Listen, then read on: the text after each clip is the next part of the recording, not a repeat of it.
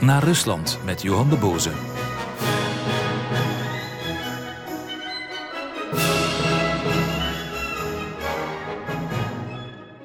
Het is 3 april 1917.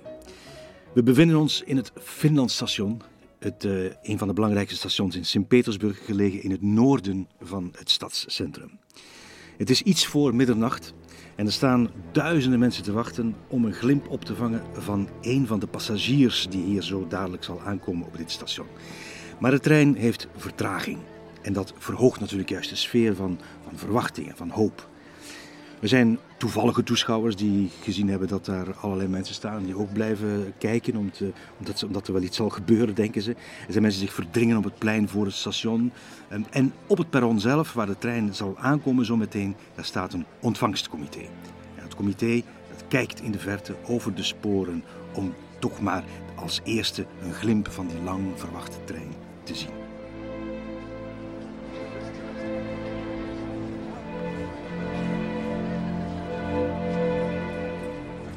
Net voor middernacht merkt iemand op in de verte dat de lampen van de locomotief te zien zijn en dat de trein nadert. Op dit uur kan dat de enige trein zijn die ze verwachten, want er zijn geen andere treinen meer.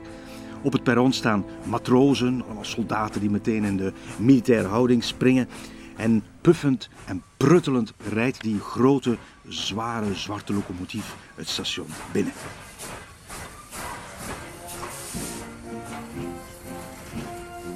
Terwijl dat gebeurt, begint de muziekkapel, die er ook staat, de Marseillaise te spelen.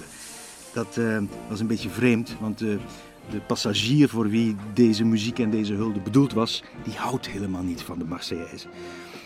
Hij gaf de voorkeur aan de internationale. Nou, en dan verschijnt de passagier. Die passagier is natuurlijk Lenin.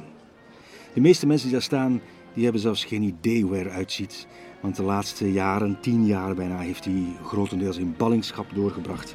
Dus we weten niet uh, wie hij precies is, ze kennen alleen zijn naam. En dan staat opeens een klein mannetje met rood haar en een baardje in de deuropening van de trein.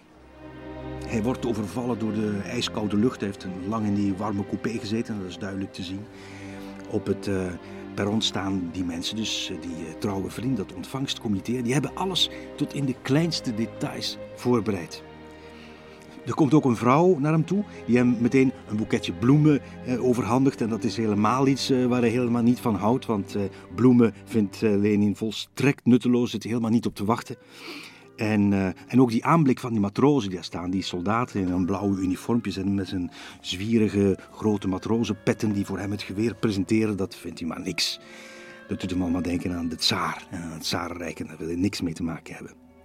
Dus hij laat zich meteen kennen. Lenin is een, eh, een, man die kordaat is. En hij roept tegen zijn companen, tegen zijn oude companen, dat ze zich vergist hebben in hun klasseanalyse en dat er van de voorlopige regering niets goeds te verwachten was. De voorlopige regering, dat uh, was de regering die op dat moment aan de macht was. De tsaar was uh, tot aftreden gedwongen. Die voorlopige regering regeerde Rusland op dat moment. Een soort overgang was dat. En die bestonden uit verschillende delen, waaronder de Duma en uh, de Sovjet, de Raad. Lenin loopt naar de wachtkamer van het station en hij staat daar opeens oog in oog met de voorzitter van die raad van de Sovjet. En die voorzitter die vraagt hem meteen of hij lid wil worden van de voorlopige regering. En wel met aandrang.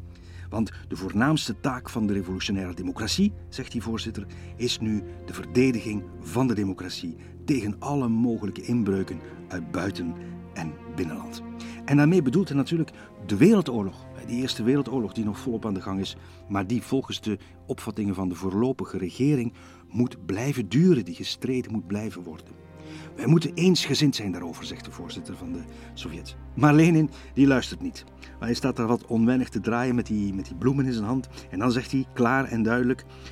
De imperialistische roversoorlog luidt het begin in van een burgeroorlog in heel Europa.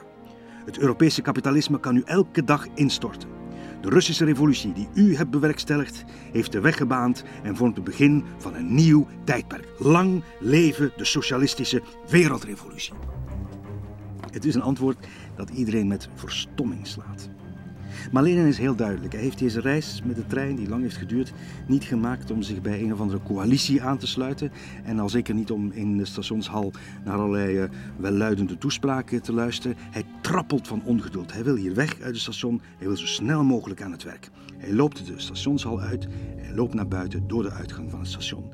En daar staat een menigte mensen menigte mensen die zijn komst al stond af te wachten. En dat is een scène die uh, trouwens ook in de film Oktober van Sergei Eisenstein prachtig in beeld is gebracht. Het is een stomme film, maar de muziek die Shostakovich daarbij gemaakt heeft, die zegt heel veel. Er zijn zoeklichten die over de mensenmassa glijden.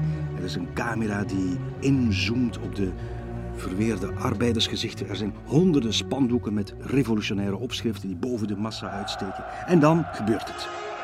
Bij de eerste glimp die ze van Lenin opvangen, begint het volk uitzinnig te juichen. De ceremoniemeester die tracht een weg vrij te maken door de menigte, want het is de bedoeling dat ze hem, dat ze Lenin, naar die auto's brengen die daar wat verderop geparkeerd staan. Maar zover komen ze niet, want Lenin wordt meteen door enkele lachende vreemden die daar staan opgetild en boven de hoofden van de massa heen op de motorkap van een panzerwagen neergezet. Lenin, die dat eh, helemaal niet verwacht had, die reageert een beetje verward, uh, geagiteerd, afwerend. Maar hij begrijpt ook meteen dat dit de kans is die hij niet voorbij mag laten gaan. Verheven boven de massa kan hij zijn woorden tot iedereen richten. Wat hij precies uitroept is uh, volgens ooggetuigen niet helemaal duidelijk. In het gejoel van de menigte kan men alleen maar flarden opvangen van wat hij zegt. Hij zegt iets over een schaamteloze slachtpartij, iets over leugens, bedrog, over een stelletje roofkapitalisten. Maar voor de toeschouwers en de toehoorders maakt het niet zoveel uit. Na al die weken van compromissen en verwarring onder het bewind van die voorlopige regering komen zijn leuzen aan als elektrische schokken. Hij roept op om in beweging te komen. Dat is het belangrijkste. En opnieuw krijgen die mensen een glimp te zien van de veelbelovende toekomst waaraan velen alweer aan het twijfelen waren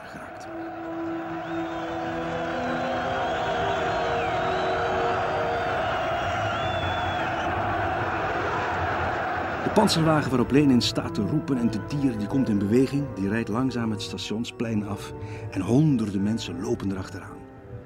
Onder hen zijn er waarschijnlijk wel trouwe Bolsjewieken, maar het merendeel zijn toch mensen die gewoon aangetrokken zijn door dit vreemde spektakel of mensen die ehm, het merkwaardige van zijn uitspraken hebben gehoord of mensen die gewoon flarden hebben gehoord, mensen die woorden hebben gehoord als vrede of klassenstrijd of overwinning. En uh, bij elk kruispunt houdt de wagen stil, zodat Lenin weer naar een nieuwe toegestroomde menigte kan brullen. En je zou kunnen zeggen dat het een echte, een ware triomftocht is. Uiteindelijk komt de auto tot stilstand voor een prachtig stadspaleis, niet zo heel ver van de Peters- en Paulusvesting in het centrum van de stad. En daar, in dat stadspaleis, is sinds kort het nieuwe hoofdkwartier van de Bolsjewieken, van de revolutionairen. Как родная меня мать провожала, Как тут вся моя родня набежала. Как тут вся моя родня набежала. А куда ж ты, паренек, а куда ты? Не ходил бы ты, Ванек, по солдаты. Не ходил бы ты, Ванек, по солдаты. En daar over dat paleis, dat nieuwe hoofdkwartier van de Bolsjewieken, daar moet ik toch iets meer over vertellen. Het is een heel bijzonder gebouw in het centrum van de stad. Het is gebouwd in gele steen, in art deco-stijl en met binnen allemaal gedrapeerde witte prachtige gordijnen. Er is een achthoekige toren vooraan en een, een uitstekende erker, heel grote erker in glas.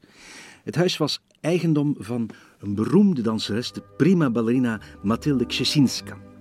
Een prachtige vrouw met een levensverhaal dat, uh, waarvan je zou kunnen zeggen dat verfilmd zou moeten worden. En dat is nu ook gebeurd. Het verhaal is verfilmd en de titel van de film is gewoon Mathilde. Mathilde Krzeszynska was uh, een vrouw die geboren is in Polen. Ze stierf in Parijs op 99-jarige leeftijd. En ze was bij leven een waanzinnig populaire danseres. Met natuurlijk een zeer bewogen en interessant liefdesleven. Er zijn kwaad tongen die beweren, en er is zelfs meer aan de hand dan dat, uh, dat ze haar professionele carrière en haar reputatie en haar succes te danken had aan haar nauwe relaties met de tsarenfamilie. En um, zij was overigens drie jaar lang de minnares geweest van tsaar Nicolaas II. Grappig wel is dat ze ooit bij een rivale die op het toneel stond in een rol die ze zelf had willen spelen, een kooi met kippen losliet. Dus was een, dame, dat soort dame, een dame met, uh, met pit. Ze had uh, geld, flink fortuin weten te verwerven en met dat fortuin had ze dat prachtige paleisje laten bouwen, waarin zich trouwens ook een zaal bevond waar ze eh, privévoorstellingen kon geven en waarin ook een uh, exotische wintertuin was met subtropische planten. Nog geen twee maanden eerder had ze nog op een galavoorstelling van de schone slaapster gedanst ter ere van het bezoek van een delegatie van de geallieerden.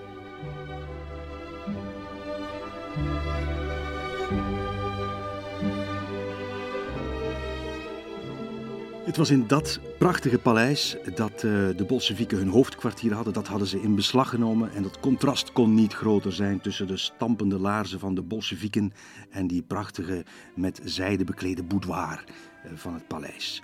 Het was haar huispersoneel dat haar op de hoogte bracht en zelf is ze dan een paar dagen later polshoogte komen nemen. En dat moment waarop ze terugkomt in haar huis en ziet wat daar gebeurd is, dat heeft ze op een mooie manier beschreven in haar memoires. Toen ik mijn huis binnenkwam, was ik aan de grond genageld. Mijn mond viel open van verbazing. De prachtige marmeren trap in de hal, bedekt met een rode loper, lag vol met boeken die door enkele vrouwen achteloos werden gehanteerd. Toen ik de trap opliep, werd ik door hen toegesnauwd. Ze zeiden dat ik op hun boeken had getrapt. Hun boeken. Ik kon mijn verontwaardiging niet onderdrukken en zei hen dat ik hier in mijn eigen huis was en kon gaan en staan waar ik wilde. Een van de soldaten in het huis was een zeer fatsoenlijke kerel. Toen ik hem vroeg waarom hij en zijn metgezellen mijn huis hadden aangeslagen, wees hij bij wijze van antwoord naar het venster in de hoek, dat een prachtig uitzicht had op de Troitsky-brug en de kade. Ik begreep nu dat de Bolsjewieken in mijn huis bezig waren met de voorbereiding van een nieuwe opstand. Mijn huis was een handige observatiepost. Ze konden de brug van hieruit zelfs onder vuur houden. Toen werd ik uitgenodigd in mijn slaapkamer te gaan, waar ik begroet werd door een vreselijk gezicht. Mijn prachtige tapijt was helemaal bevlekt met inkt. De meeste meubels waren weggehaald. Van één antieke kast was een deur afgerukt met scharnieren en al. En die werd nu gebruikt als een rek voor geweren. Ik kon een dergelijk vandalisme niet verdragen en haastte me uit mijn kamer.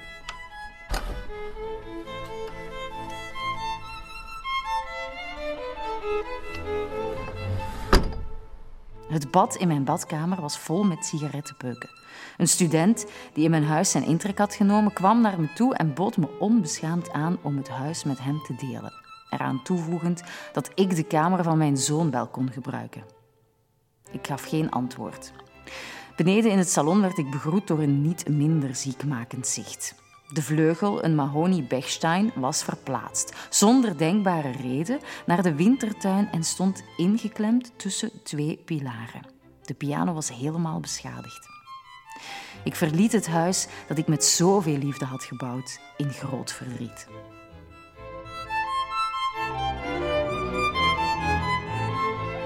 Ja, je moet je voorstellen hoe confronterend dat was, hoe vreselijk dat was. De meubels waren weg, het bad was, uh, lag vol met sigarettenpeuken, uh, de piano kapot. Het moet een ontzettende schok geweest zijn voor, uh, voor deze prinses, maar voor iedereen die zoiets meemaakte op dat moment in de geschiedenis. Het leven van die mensen werd opeens gebroken, het werd opeens helemaal ondersteboven gezet. Na de revolutie vluchtte ze naar Parijs. Met wat ze nog kon redden. Ze moest zo goed als alles achterlaten, maar ze kon nog een paar van haar Fabergé-juwelen redden. En in Parijs maakte ze een nieuwe carrière. Ze stichtte een eigen balletschool en ze gaf daar zelfs les aan Maurice Béjart. Dat staat in haar memoires Souvenir de la Kshechinska. De moeite waard om te lezen. Tegenwoordig is dat paleis van Kshechinska in Sint-Petersburg een museum, het museum van de politieke geschiedenis van Rusland. En je kunt er nog altijd de sporen van de Bolsjewieken zien. In de centrale hal hangt nog steeds het portret van Lenin in glas in lood.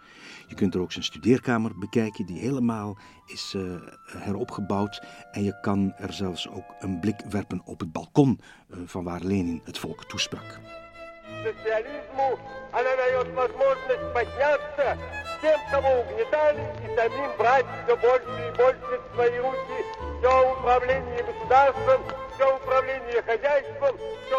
En dat laatste, dat deed Lenin al meteen toen hij er arriveerde, in april 1917 dus, nadat hij eerst wat verbroederd had met eh, de andere Bolsjewieken in de witte danszaal van Ksheshinska. hij kon dus niet snel genoeg op het balkon staan om de menigte die daar beneden op straat verzameld was, om die toe te schreeuwen met zijn heese en woedende stem.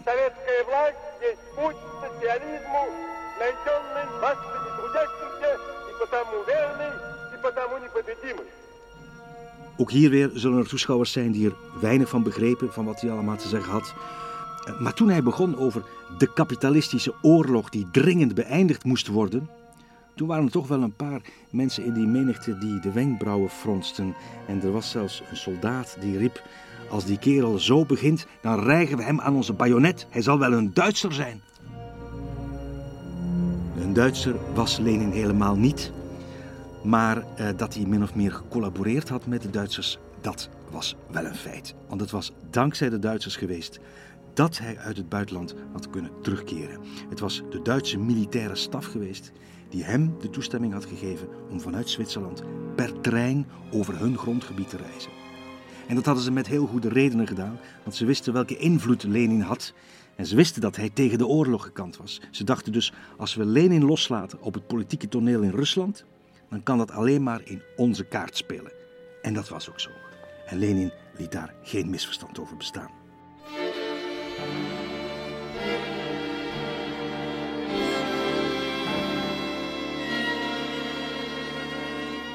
Lenin moest helemaal niets weten van de voorlopige regering, want die regering die geloofde nog steeds in de voortzetting van de oorlog.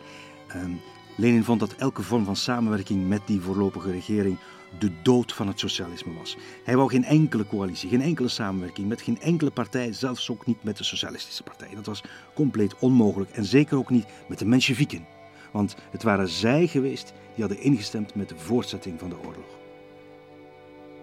Wat zijn vrienden nog het meest verbaasde, was zijn stelling dat het eerste stadium van de revolutie al voorbij was en dat het nu tijd was om naar het tweede stadium te gaan, waarin de macht in handen van het proletariaat en de armste delen van de boerenstand moest overgaan. Die gedachte klonk zo krankzinnig dat iedereen hem met open mond stond aan te gapen. Maar voor hem was het duidelijk: de bourgeoisie zou nooit afstand kunnen doen van de oorlog, omdat haar eigen toekomst daarmee verbonden was. Het zou een vergissing zijn om te verwachten dat de leden van de bezittende klasse hun roofzucht zouden opgeven. En elke concessie die ze op dat vlak leken te doen, kon alleen maar een valstrik zijn. Door met de bourgeoisie samen te werken, hadden de Mensjevieken de toekomst van de revolutie zelf in gevaar gebracht, vond Lenin. En elke Bolsjevik die zich uitsprak voor een samenwerking met zulke lieden, die deed precies hetzelfde. Zelfs voor de volgelingen van Lenin waren al die uitspraken te extreem. Er waren er die hem gewoon voor gek verklaarden. Niemand, maar dan ook niemand, kon geloven dat het Russische volk er klaar voor zou zijn om de macht over te nemen. Rusland, vond men, was een land van lompe boeren en aan hen de zeggenschap geven over alles, van het economische leven, voor alles, de zaken van oorlog, vrede, dat was pure waanzin. Dus Lenin, die daar wel in geloofde, die bracht zichzelf daarmee in een totaal intellectueel isolement. Zijn ideeën bleken compleet af te wijken van wat de heersende marxistische manier van denken was. Dus wat moest hij doen? Hij moest het een beetje afzwakken. Hij zei dat het ook niet meteen vandaag moest gebeuren, maar dat ze wel doorzettingsvermogen moesten hebben en geduld. En met geduld zouden ze komen waar ze moesten komen. Geduld. Als er één ding was dat Lenin zelf niet had, dan was het geduld.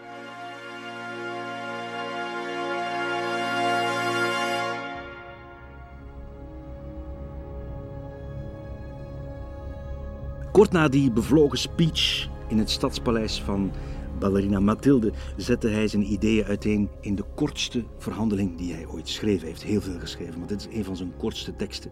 En, die tekst heet De Aprilthezen. Die verscheen op 7 april in de Pravda, in de krant. De Waarheid heet die krant, de Pravda. En het waren slechts 579 eh, woorden. Dat was kort voor zijn doen.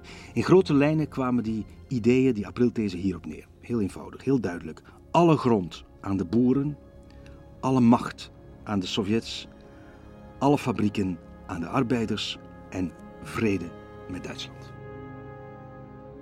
Vooral dat laatste ging er bij de meeste mensen in Rusland niet in. Welke Russische burger kun je nu het idee aanpraten om vredelievend te zijn, vrede te sluiten met een land dat Rusland compleet aan het verwoesten was? Niemand waagde het om hem openlijk te veroordelen, maar er werd wel geïnsinueerd dat Lenin een instrument was in handen van de Duitsers. En die insinuaties, die klopten natuurlijk.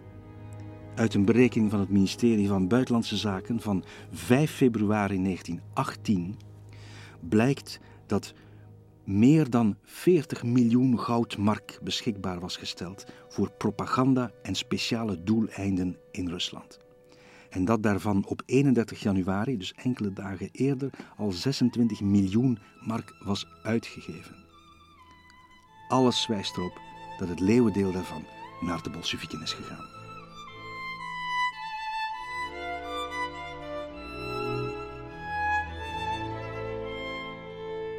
Naar Rusland met Johan de Boze.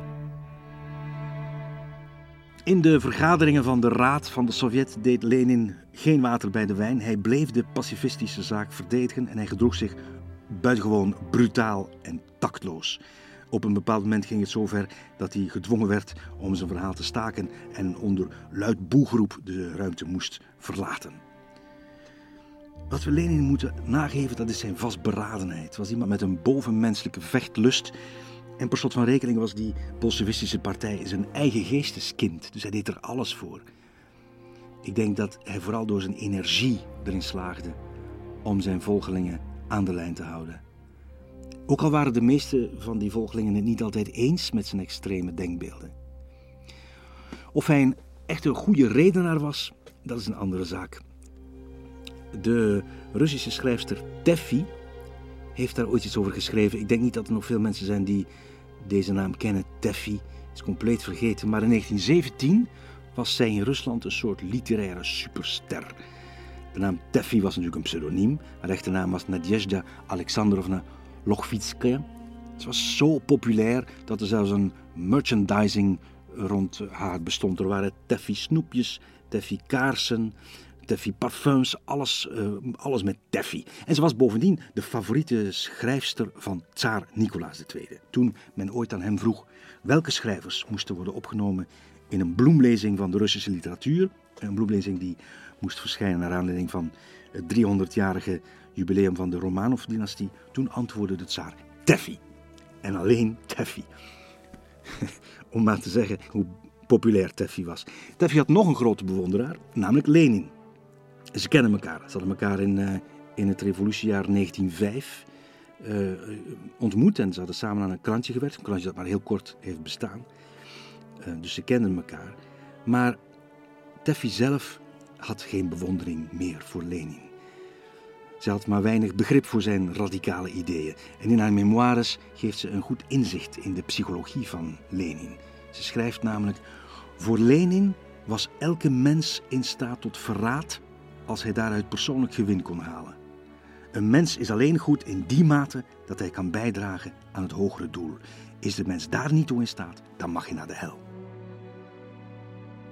En wellicht heeft Teffy gelijk. Lenin had een heel lage dunk van de menselijke natuur. Hij moest niks weten van de grilligheid van het menselijke, emotionele leven. Weg met de kunstenaars, weg met de dichters, weg met de individuele expressie.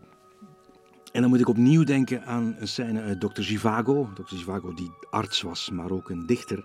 En er is een pakkende scène in de film waarin hij op het matje wordt geroepen bij een aanvoerder van het Rode Leger. En die aanvoerder die herkent Dr. Zhivago als de voormalige dichter die hij ooit zo bewonderde. Are you the poet? I used to admire your poetry. Thank you. Maar nu niet meer. En wat hij zegt, wat die aanvoerder zegt, zijn woorden die zo uit de mond van Lenin hadden kunnen komen. The personal life is dead in Russia. History has killed it.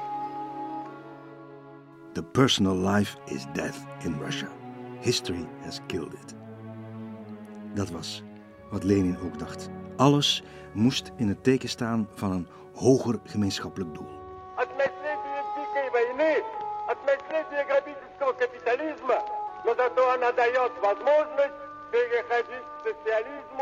Of uh, Lenin zo'n grote redenaar was, dat, uh, dat weet ik niet.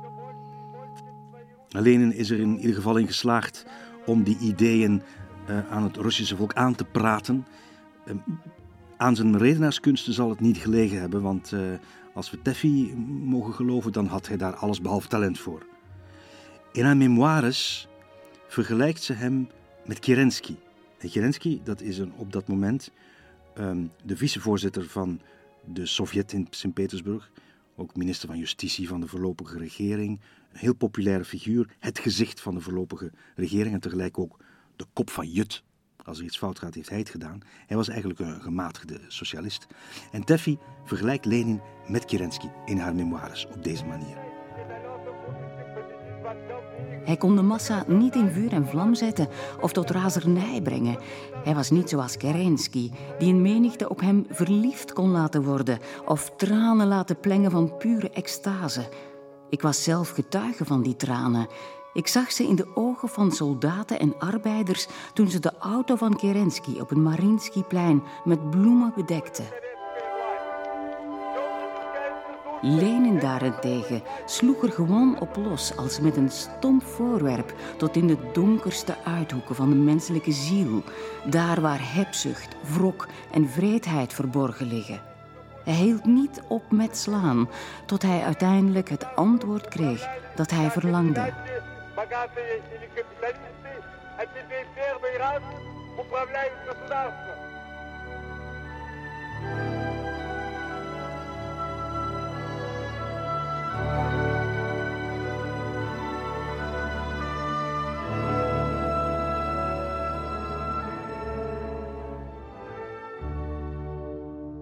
Ondanks het beroerde redenaarstalent van Lenin sprak hij wel over ideeën die de mensen graag wilden horen.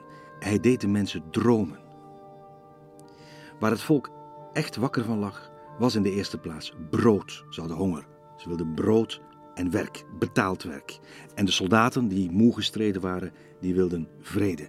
Het was daarvoor dat ze op straat waren gekomen. Het was daarvoor dat ze hun leven hadden geriskeerd bij het omverwerpen van het oude regime. En toen dat gelukt was, toen was er even euforie en feest in de straten van Rusland. Maar nu bleek alles weer bij het oude te zijn. De oorlog bleef maar duren. Ze hadden nog steeds geen voedsel, ze hadden nog steeds honger. In de fabrieken werden de lonen nauwelijks uitbetaald vanwege de hoge inflatie. En de situatie was dus, met andere woorden, nog even explosief. De boodschap van Lenin die kreeg op die manier eigenlijk alsmaar meer weergalm. Er begonnen zich voortdurend nieuwe activisten aan te dienen.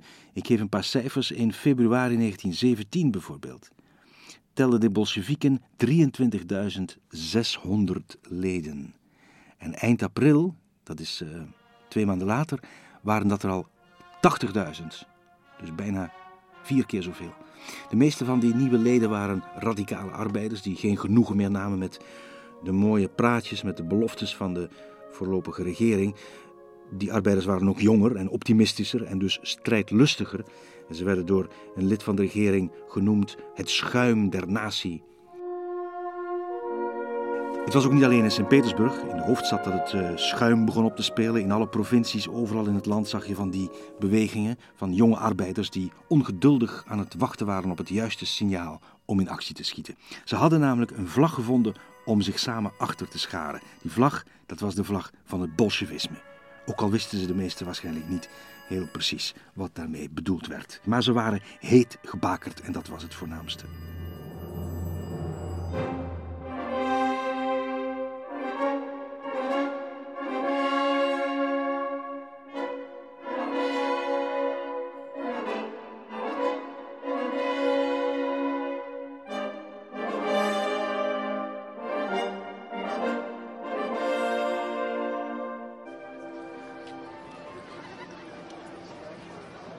En dan is het 1 mei, de 1 mei, um, het feest van de arbeiders. Voor de eerste keer gaan de bewoners van Petersburg de straat op voor een feestdag die de internationale dag van de arbeiders is. De eerste nationale feestdag van de werkmens. Het was het moment, het momentum voor Lenin om zijn propaganda onder de massa te verspreiden. Het moment om hen op te roepen om het tweede deel van de revolutie aan te vatten.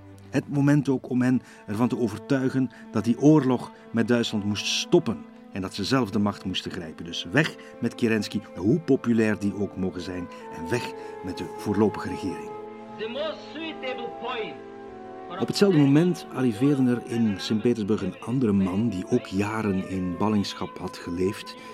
Eerst in Parijs, maar daar was hij ook weer verbannen omdat hij een communistische partij had willen oprichten. En vervolgens in New York.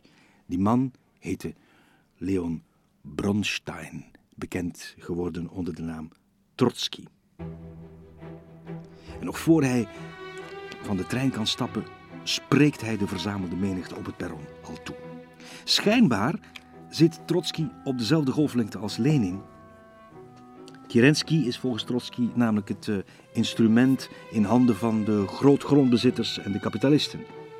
Dus dat is wat Lenin ook vindt. Stop de oorlog, eh, vindt Trotsky. Dat vindt Lenin ook. Confiskeer het land. Dat zijn precies dezelfde eisen van Lenin. En toch hebben ze verschillende politieke opvattingen. The present crisis will mean a new era in history. Uh, wanneer Lenin over Trotsky sprak, had hij bepaalde koosnaampjes voor hem, zoals Judas of schurk of zwijn. Waarom was dat zo? Trotsky en Lenin verschilden op een aantal punten fundamenteel van mening. Ze waren natuurlijk allebei Marxisten, maar ze waren het niet eens over de manier waarop die Marxistische principes moesten worden geïmplementeerd. Trotsky geloofde in het idee van de permanente revolutie. Hij heeft ook een boek geschreven dat, eh, dat zo heette. De permanente revolutie. De communistische revolutie zou pas voorbij zijn, vond Trotsky, als de hele wereld een arbeidersparadijs zou zijn. En Trotsky hoopte vooral ook dat er ook in Duitsland een revolutie zou uitbreken, zodat Duitsland de kant van Rusland zou kiezen in de oorlog en dat er daarna een soort van pan-Europese, groot-Europese revolutionaire oorlog van zou komen. Lenin die vond het ook, dat was ook een ideaal voor hem, maar hij was pragmatischer. En hij wou het voorlopig allemaal binnen de landsgrenzen van Rusland houden. Voorlopig telde alleen Rusland voor hem. De revolutionaire overwinningen moesten geconsolideerd worden. Dat was het belangrijkste.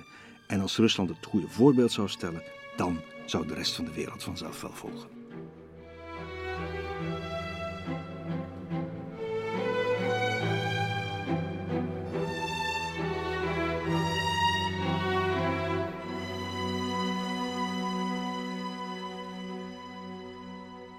Toen Trotsky in Rusland terugkwam na zijn ballingschap, begin mei, toen kwam hij tot de conclusie dat hij er in grote lijnen eigenlijk wel dezelfde ideeën als Lenin op nahield, ondanks die verschillen, maar in grote lijnen wel, en dat het misschien beter zou zijn wanneer hij zich meteen aansloot bij de Bolsjewieken.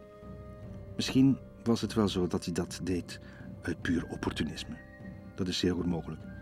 Dat was de indruk van uh, socioloog Pitirim Sarokin, die het allemaal van heel dichtbij heeft meegemaakt en die in zijn overigens schitterend geschreven dagboek schrijft Trotsky brengt voor elke vergadering zijn eigen stoel mee. Vandaag zit hij bij deze partij, morgen bij een andere.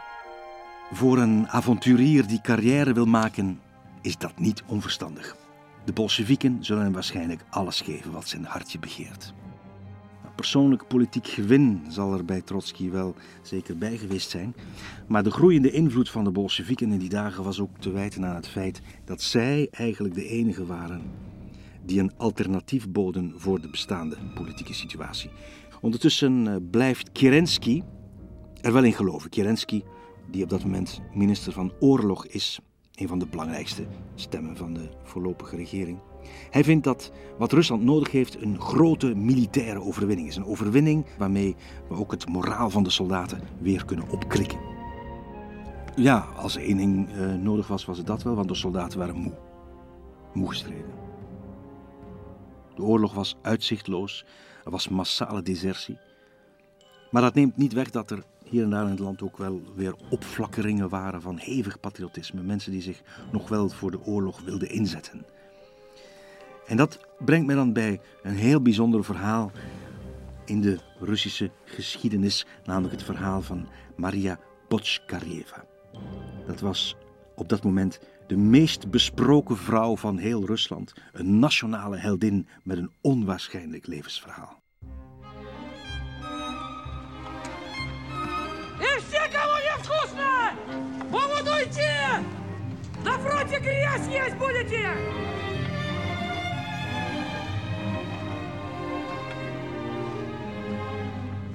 Maria Botskareva was een nauwelijks geletterd meisje. Ze was opgegroeid aan de oevers van de Volga. Als dochter van een vader met een zwaar drankprobleem.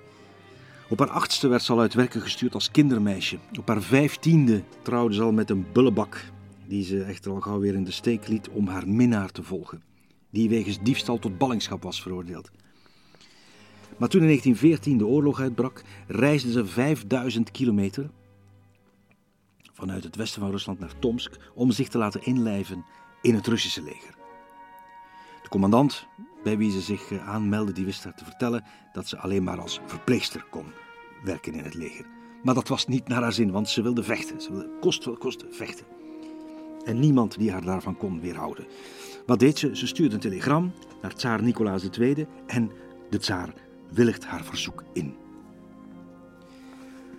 Nu, Boskareva beschikte wel over de juiste kwalificaties voor een uh, soldatenleven. Ze was gespierd, ze had een geblokt lichaam en uh, in haar manieren was ze not very ladylike, zullen we maar zeggen. Het kon haar niet schelen dat haar lange bruine vlechten eraf moesten. Ze knipte haar haar even kort als dat van alle andere recruten. En toen ze haar soldatenuniform aantrok, kon je amper zien dat ze een vrouw was. Zelfs haar stem, en haar stem was het niet eens te merken, want die was laag en vol als van een man. In het begin waren er wel een paar mannelijke soldaten die mopperden, maar na een paar dagen was er niemand meer die er nog aan dacht dat ze eigenlijk een vrouw was. En al zeker niet wanneer het er tijdens de strijd op aankwam, dan wist ze zich meer dan eens te onderscheiden door haar heldenmoed. Maria Botskareva was ook een hevige patriot natuurlijk. In februari was ze al een enthousiast voorstander geweest van de revolutie. Maar in het voorjaar van 1917 was ze ontzet omdat haar volk zo slecht voorbereid was op de vrijheid. En wat haar het meest verontrustte, dat was de verloedering van de orde en de discipline in het Russische leger. Er werd in die dagen van overheidswegen van alles geprobeerd om het moreel van de soldaten weer op te krikken. Er werden bijvoorbeeld strijdformaties opgericht, befaamde stoottroepen, waarin alleen maar mannen werden opgenomen die gezworen hadden om te blijven vechten tot het bittere einde. Mannen die vastbesloten waren om voor Rusland te sterven als het nodig was. Dat soort mentaliteit, dat soort ingesteldheid lag Botskarieva absoluut. De eer en het voorbestaan van haar land stonden op het spel en ze vond dat vrouwen ook wat moesten doen. Het ergerde haar dat mannen wel wapens kregen waarmee ze konden doden, terwijl vrouwen alleen maar op de dood zaten te wachten. Er moest iets gebeuren, vond ze. Ze kon zich niet voorstellen dat zij de enige vrouw was die liever strijdend ten onder ging dan passief te zitten afwachten. Toen de voorzitter van de Duma in mei het front bezocht, vroeg ze hem vanuit die gedachte om steun bij haar verzoek. Ze wilde een eigen doodsbataljon voor vrouwen oprichten, het eerste ter wereld. Ze zei: Wij zullen overal naartoe gaan waar de mannen niet naartoe willen. Wij zullen wel vechten als zij er vandoor gaan. De vrouwen zullen de mannen weer naar de loopgraven brengen, zei ze. En ze kreeg wat ze verlangde. Toen ze op 21 mei weer in Sint-Petersburg was, sprak ze bij een massabijeenkomst het volk als volgt toe. Mannen en vrouwen, burgers, onze moeder gaat ten onder. Onze moeder is Rusland. Ik wil haar helpen redden. Ik wil vrouwen met een hart van zuiver kristal, met een pure ziel, met edele drijfveren. Wanneer zulke vrouwen een voorbeeld stellen en zich opofferen, zullen jullie mannen je bewust worden van je plicht in deze zware tijd.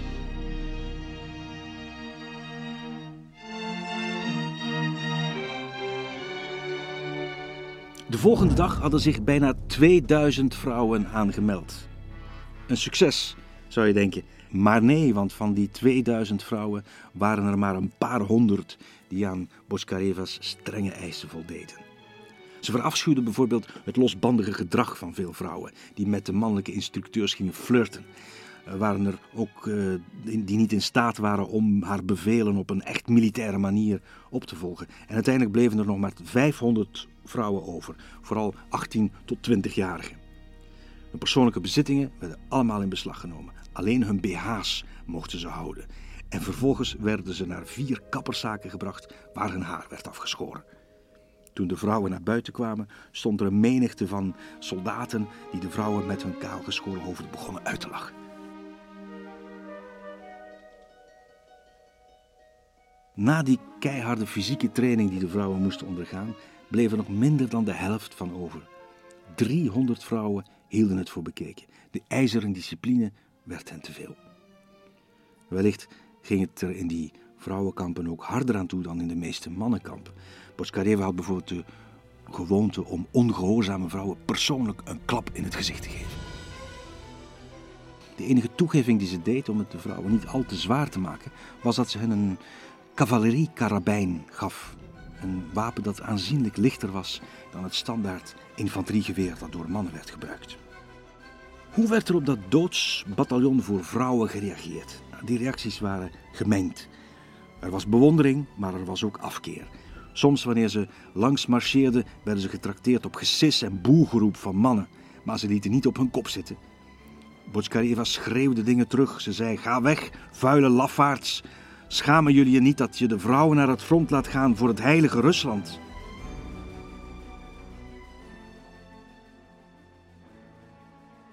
Op 23 juni, na een grote plechtigheid in de Kazan-kathedraal, vertrok het bataljon naar het front. Voor die plechtigheid waren overigens Boskareva en haar vrouwen veel te laat komen opdagen, wat ook weer eh, op hoongelach werd onthaald. En zelfs op seksistische opmerkingen, zoals deze. Wat zullen de Duitsers met ze doen als ze straks, wanneer ze moeten aanvallen, anderhalf uur de tijd nemen om hun neus te poederen? De meeste mensen waren stil en vol bewondering. Er zaten vrouwen bij die tranen in de ogen hadden. Mannen schuifelden ongemakkelijk heen en weer uit schaamte. En na de plechtigheid werden ze op het plein voor de kathedraal nog één keer gezegend. Terwijl de klokken luiden, werden ze met wijwater besprenkeld. Клянусь верности Родине, Временному правительству и этому знамени. Не нам, Господи, не нам, но имени Твоему дашь славу, О милости Твоей и истине Твоей.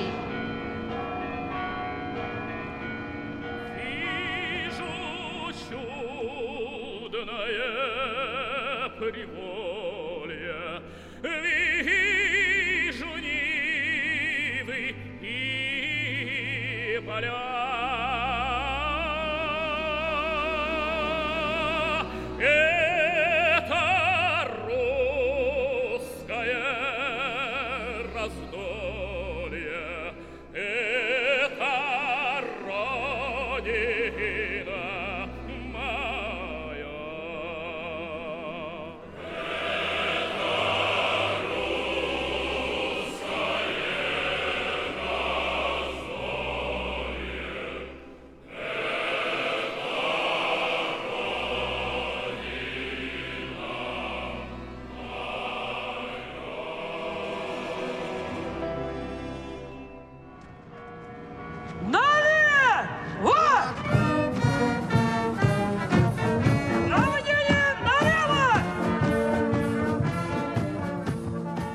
Bataljon met de vrouwen naar het station toeliep, toen stroomden er duizenden mensen toe om hen uit te wuiven. Vooraan liep ook een fanfare mee. Overal werd er gejuicht. Mensen volgden massaal de stoet. Er werden bloemen gestoken in de lopen van de geweren. En op de Nevsky Prospect werden ze zelfs even tegengehouden door een oude generaal die hen toeriep: God zegen jullie. Jullie zullen er allemaal komen. Jullie zijn niet als de anderen. Waarop de stoet zich weer in beweging zette. Maar toen het bataljon de Ismailovski-prospect opmarcheerde, toen stopte de fanfare opeens met spelen. De weg werd versperd door een groep soldaten uit de nabijgelegen kazerne. Er was een stilte. Iedereen hield de adem in. Maar toen opeens trok Botskajeva haar sabel. Ze stapte naar voren en ging met opgeheven hoofd en trots geheven sabel op de mannen af. Er brak een enthousiast applaus van de massa los. De mannen weken uiteen, de fanfare begon weer te spelen en de stoet zette zich weer in beweging. Op het station gebeurde precies weer hetzelfde. Een paar bolsjevisten hadden er alles aan gedaan om de toeschouwers op te stoken tegen de vrouwen die zich een weg trachten te banen naar de wagons. Grote groepen Russische soldaten stonden te sissen en te jouwen. Een man riep zelfs dat het een belediging was voor Rusland en zijn mannen. Iedereen weet, zei hij, dat ze niet gaan vechten. Ze gaan alleen maar naar het front om de Russische soldaten te beledigen en slechte dingen te doen.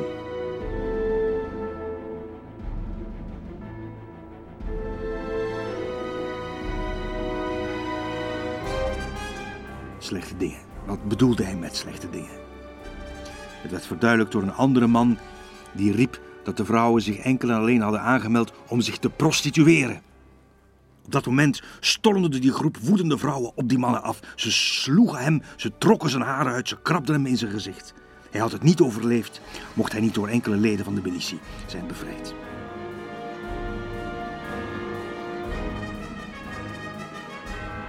Enkele dagen later kwamen de vrouwen aan in de buurt van het front, waar ze ingekwartierd werden in twee schamele houten barakken. S'nachts werden ze belaagd door de mannelijke soldaten die de barakken wilden binnendringen en die met bajonetten op afstand moesten worden gehouden. Het was voor de vrouwen onmogelijk om een volledige normale nachtrust te hebben, hoe uitgeput ze ook waren na de lange dagmarsen die ze al achter de rug hadden. Ook Botskareva kwam in aanvaring met haar overste. Zij moest bijvoorbeeld niets weten van de comité's die in elk bataljon verplicht waren.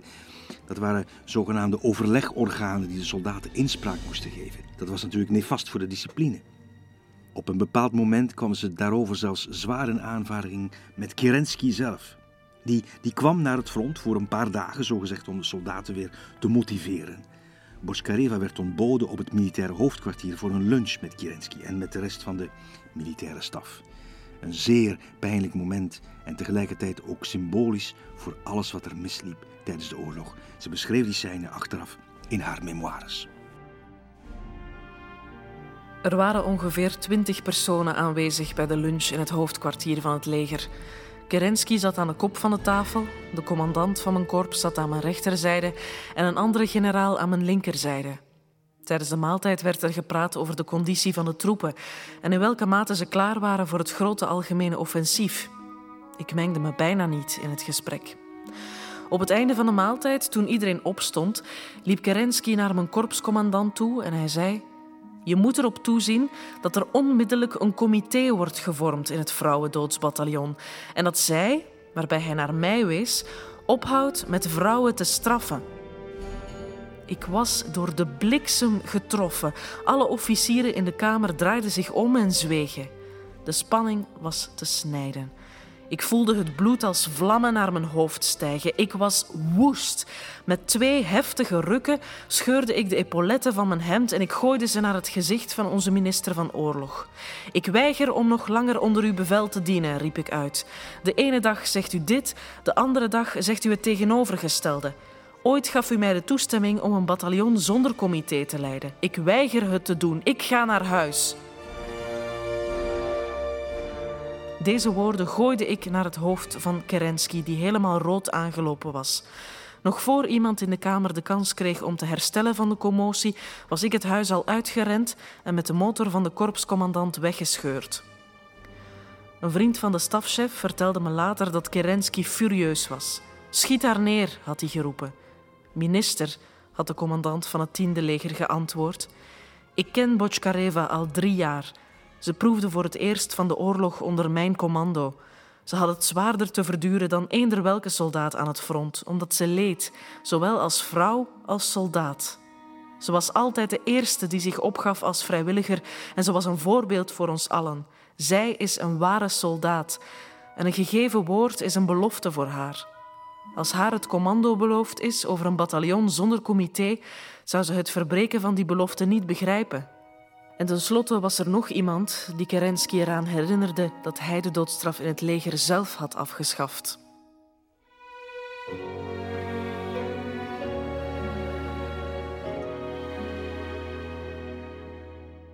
Zes dagen later kwam het vrouwendoodsbataljon voor de eerste keer in actie in het kader van het zogenaamde Kerensky-offensief. Het zou het laatste grote offensief van de Russen zijn in de Eerste Wereldoorlog.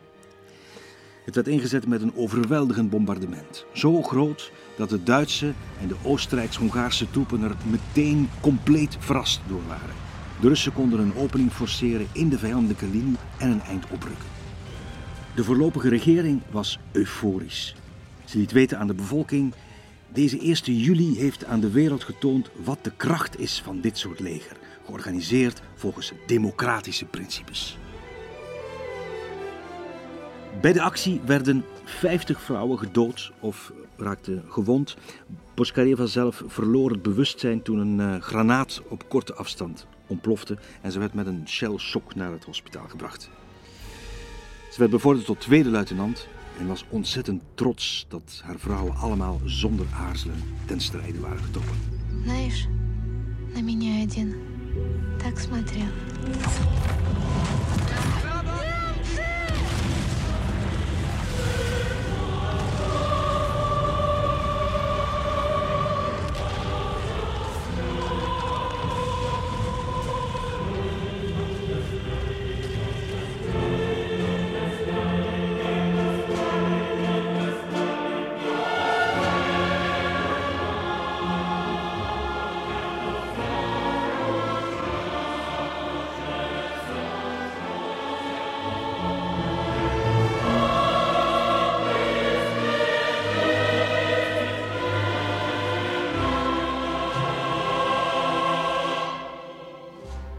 Het enthousiasme van de regering over het aanvankelijke succes van het offensief bekoelde heel snel. Het was dagdromerij. In het leger zat het bolsjevistische virus. Er was amper nog discipline. Men kreeg de soldaten niet meer uit de loopgraven. Bij de tegenaanval van de Duitsers had het Russische leger geen enkel verhaal meer. En toen het nieuws van het mislukte offensief Sint-Petersburg bereikte, was voor velen de maat vol.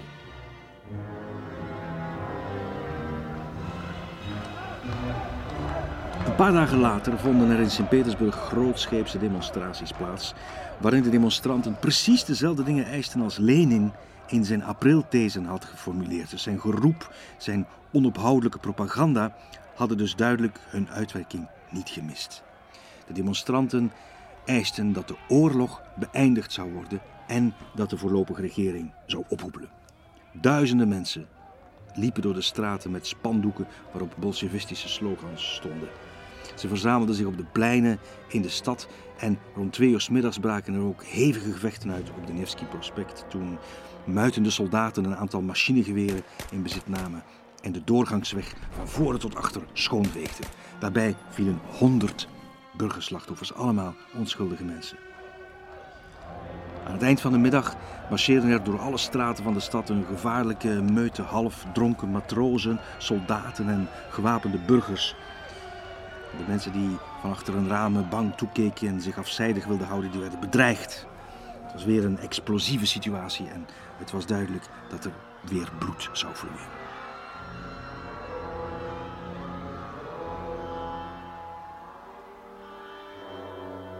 De voorlopige regering had nog maar één optie. De laatste troepen waarop ze echt konden rekenen, inzetten. En die laatste troepen, dat waren de Kozakken. Zo'n 200 man en enkele veldkanonnen werden ingezet om de opstand neer te slaan. Op het Marsveld, een van de grootste pleinen van de stad, kwam het tot een groot treffen. In de stromende regen chargeerden de Kozakken te paard, rechtop staand in hun stijgbeugels, zwaaiend met sabels of lansen die ze voor zich uit staken. Maar de opstandelingen waren goed voorbereid. Ze hadden hier en daar barricaden opgeworpen zodat de Kozakken zich te pletter stormden op de stellingen. Anderen werden in een hinderlaag gelokt in smalle straatjes waar ze bestookt werden met machinegeweren. Het werd een ware slachting.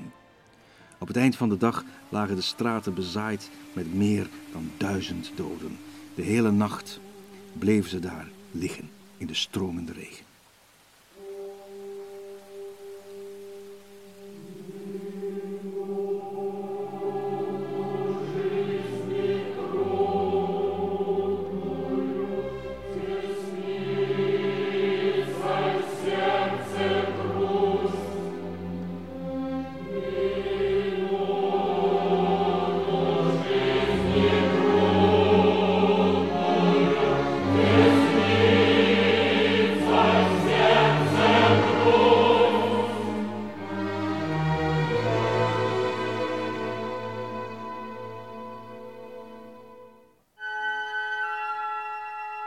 Volgende dag werden er weer extra troepen ingezet, maar ditmaal Een totaal ander soort troepen, een regiment van doorgewinterde soldaten op vouwfietsen.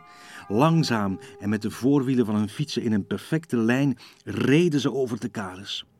Op een zakelijke en systematische manier maakten ze zich op voor de aanval op de barricades. Installeerden ze hun geschut, waren ze klaar voor de zoveelste moordpartij. Maar uiteindelijk hoefden ze niets meer te doen. Rollen met de spierballen was voldoende om de opstandelingen de benen te laten nemen. Even later werd het hoofdkwartier van de Bolsjewieken in de Ksesinska villa zonder slag of stoot ontruimd. Ongeveer 30 mannen van Lenin werden gearresteerd. In de villa troffen ze een berg wapens en munitie aan. En nog iets heel belangrijks.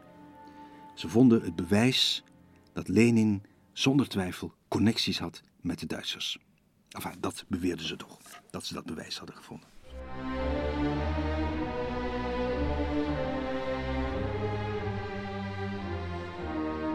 Toen de inwoners van Sint-Petersburg op 7 juli 1917 wakker werden, kwamen ze tot de ontdekking dat de macht van de Bolsjewieken gebroken was, althans voor een tijdje.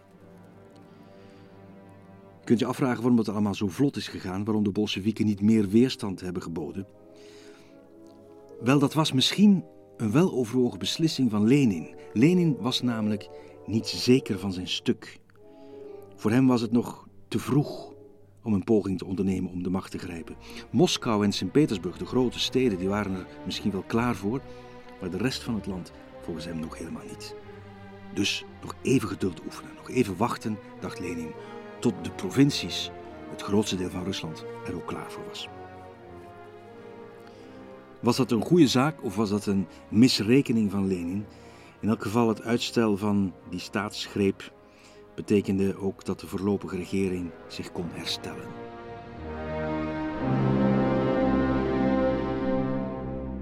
Op 7 juli was de immens populaire Kerensky zelfs premier geworden. Hij was eerst vicepremier geweest en minister van Justitie en van Oorlog. En nu was hij premier, dus de machtigste man in Rusland. Het was op zijn bevel dat de bolsjewistische leiders gearresteerd moesten worden. Het ophitsen van de bevolking werd hen ten laste gelegd. Wat niet helemaal correct was, maar toch, ze hadden er een aandeel in.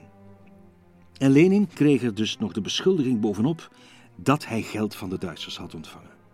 Dus voor hem was het de hoogste tijd om zich uit de voeten te maken en dat deed hij ook. Hij schoor zijn baardje af om onherkenbaar te zijn en dook onder in Finland.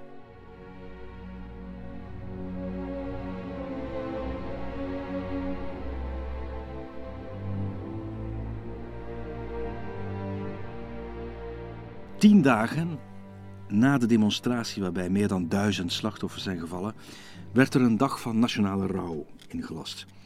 Er werd een grote begrafenisceremonie georganiseerd voor de Kozakken die waren gesneuveld bij de opstand. Heel die ceremonie was het idee geweest van Kerensky. Hij speelde graag in op het publieke sentiment en wat gezwollen dynamiek kon daar geen bij baat. De dag voordien had men de lichamen van de Kozakken in zilveren kisten naar de Isa-kathedraal gereden om daar te worden opgebaard. Bedolven onder bloemen en omgeven met brandende kaarsen stonden de kisten daar gedurende de hele nacht, terwijl van overal mensen kwamen toegestroomd. Kozakken, soldaten, matrozen, verpleegsters, priesters, Tataren, Georgiërs, officieren in kostuums van allerlei kleuren en soorten. De volgende dag bij de ceremonie werd alles uit de kast gehaald. De Russische orthodoxie in al zijn glorie. Overal glanzende iconen en kruisen, wierook en 200 koorknapen. Heel even moet het hebben geleken alsof heel Rusland weer verenigd was in al zijn rangen en standen en politieke partijen met verschillende ideeën. Iedereen was verenigd. Eventjes was er weer orde. Even was alles pijs en vrede.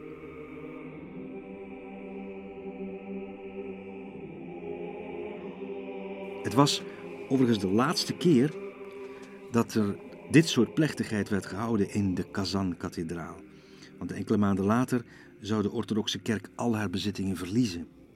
Vandaag de dag is de Kazan-kathedraal een staatsmuseum, maar misschien niet meer voor lang. Want als het van de diepgelovige gouverneur van Sint-Petersburg afhangt, dan wordt de kathedraal in 2019 weer eigendom van de Russisch-Orthodoxe Kerk. Een plan dat veel aanhang heeft, maar ook heel veel protest krijgt.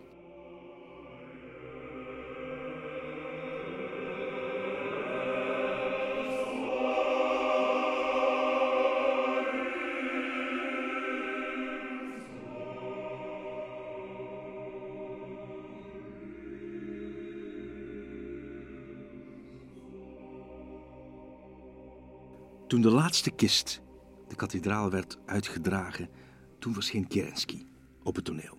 Perfect getimed.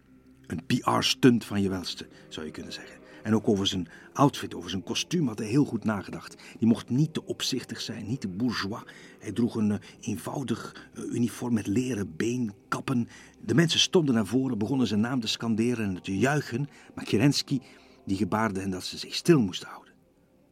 Hij hield een korte toespraak en verzocht hen toen om rustig achteruit te gaan, zodat hij een doorgang had. En blootshoofds, zoals dat hoort in de orthodoxe kerk, en met gebogen hoofd liep hij achter de processie aan, terwijl duizenden mensen hem volgden. Op dat moment was Kerensky de belichaming van de regering. En zo zag hij zichzelf ook als een soort van nieuwe Napoleon. Als de belangrijkste man van de republiek. Napoleonchik, kleine Napoleon, was trouwens ook zijn bijnaam en daar was hij trots op. En naar schijnt nam hij soms ook letterlijk een Napoleontische pose aan door de duim van één hand in zijn jas te steken terwijl hij de mensen te woord stond. En dat deed hij altijd met stijl, vriendelijk en wel overwogen. Hij zou een goede advocaat zijn geweest, maar geen leider van een land als Rusland. Daarvoor was hij te besluiteloos. Daarvoor mankeerde hij een visie, had hij nooit een doel voor ogen, zoals Lenin dat wel had. één duidelijk doel. En dat zou hem zuur opbreken.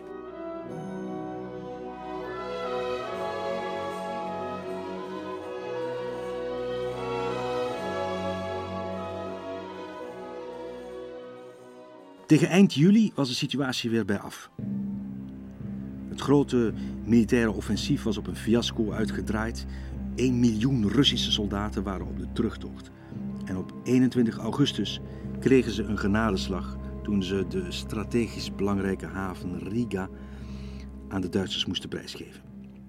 Moesten is veel gezegd. De Russen hadden zich zonder slag of stoot overgegeven. Desondanks bleef men in de Russische hoofdstad ontkennen dat het leger uit elkaar aan het vallen was. Het leven ging gewoon door alsof er niets aan de hand was. In de opera werd eh, diezelfde avond bijvoorbeeld nog Rusalka uitgevoerd. Eh, de opera van Rimsky-Korsakov met in de hoofdrol de legendarische bas Fyodor Shalyapin. Het publiek in de opera was dol enthousiast. De mensen sprongen voortdurend van hun stoel op en riepen de naam van Shalyapin aan het eind van elke acte. Niemand dacht die avond in het theater aan de revolutie, aan de Duitsers of aan de oorlog. Petrograd lag in oorlogsgebied, maar wat maakte het uit? Want hier stond de grote Shalyapin te zingen.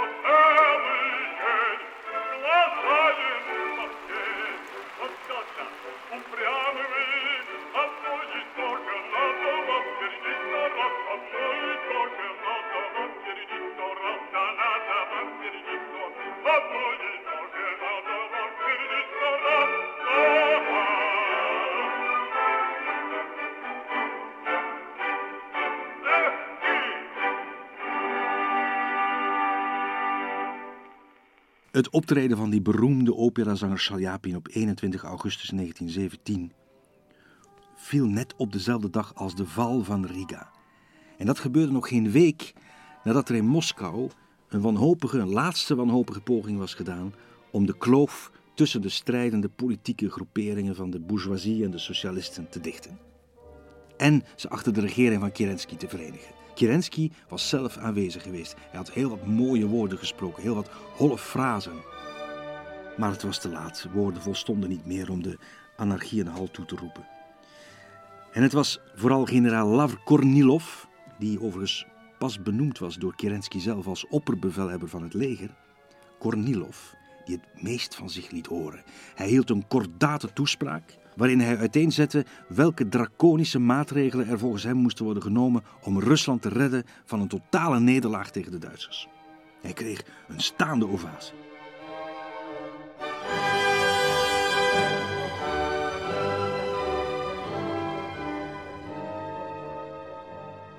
Een week later stelde hij aan Kerensky een ultimatum waarin hij eiste dat die zou opstappen als premier en het volledige gezag, het militaire gezag, aan hem, Kornilov, zou overdragen.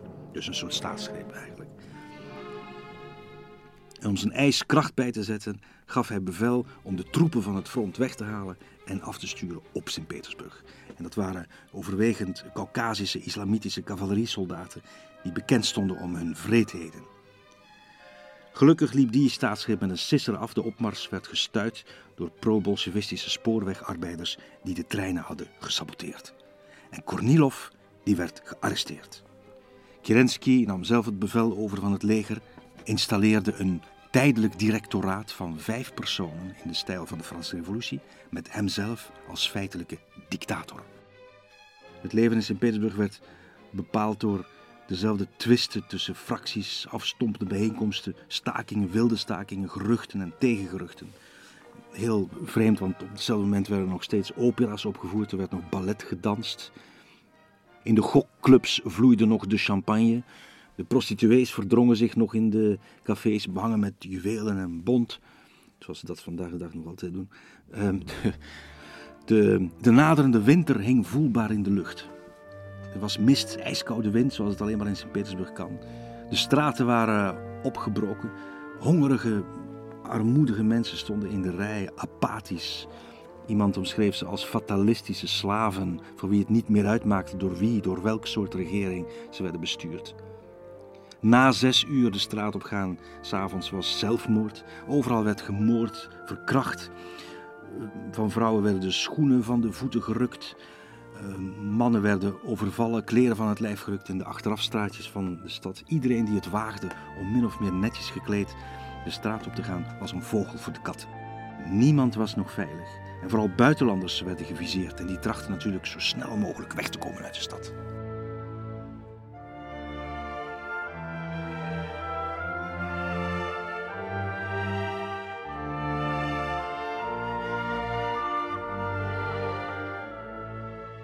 Wie ondertussen wel vrijgelaten was uit de gevangenis, dat was Trotsky.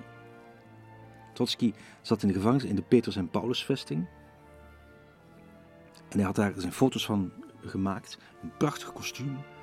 Heeft hij aan een tafeltje zit hij te schrijven. Dus hij kreeg wel een voorkeursbehandeling in die gevangenis. Dat is niet echt een gevangenis zoals we ons dat voorstellen bij Russische gevangenissen. Um, Trotsky was uh, na zijn vrijlating, had ons ondertussen gepubliceerd, na zijn vrijlating was hij een van de meest aansprekende figuren op het politieke toneel geworden. Hij was ook verkozen meteen tot voorzitter van de Sovjet, van de raad waarin de Bolsjewieken ondertussen de meerderheid hadden verworven.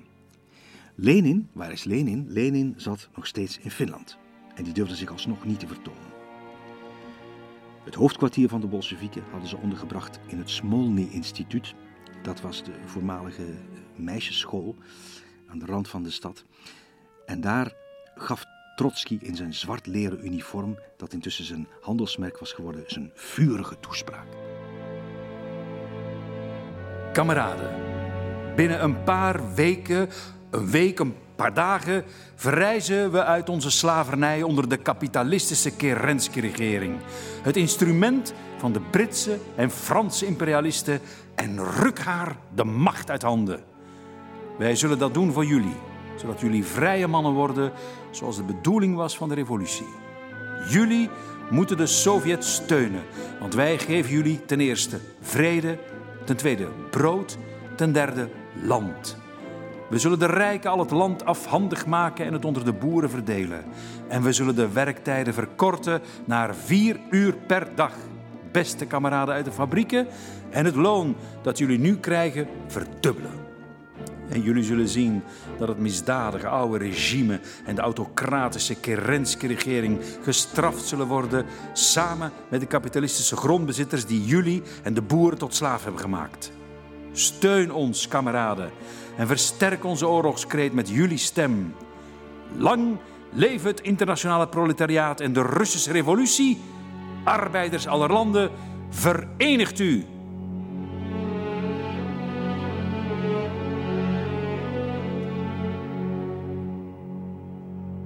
En daar heb je hem dan, die beroemde slogan Arbeiders aller landen verenigt u, rechtstreeks uit het Communistisch Manifest van Karl Marx. Dat was natuurlijk een schrikbeeld voor velen. Niet alleen voor de bourgeoisie, de landeigenaars en de patroons van de fabrieken, maar ook voor de buitenlandse mogendheden. Maar veel konden die niet doen.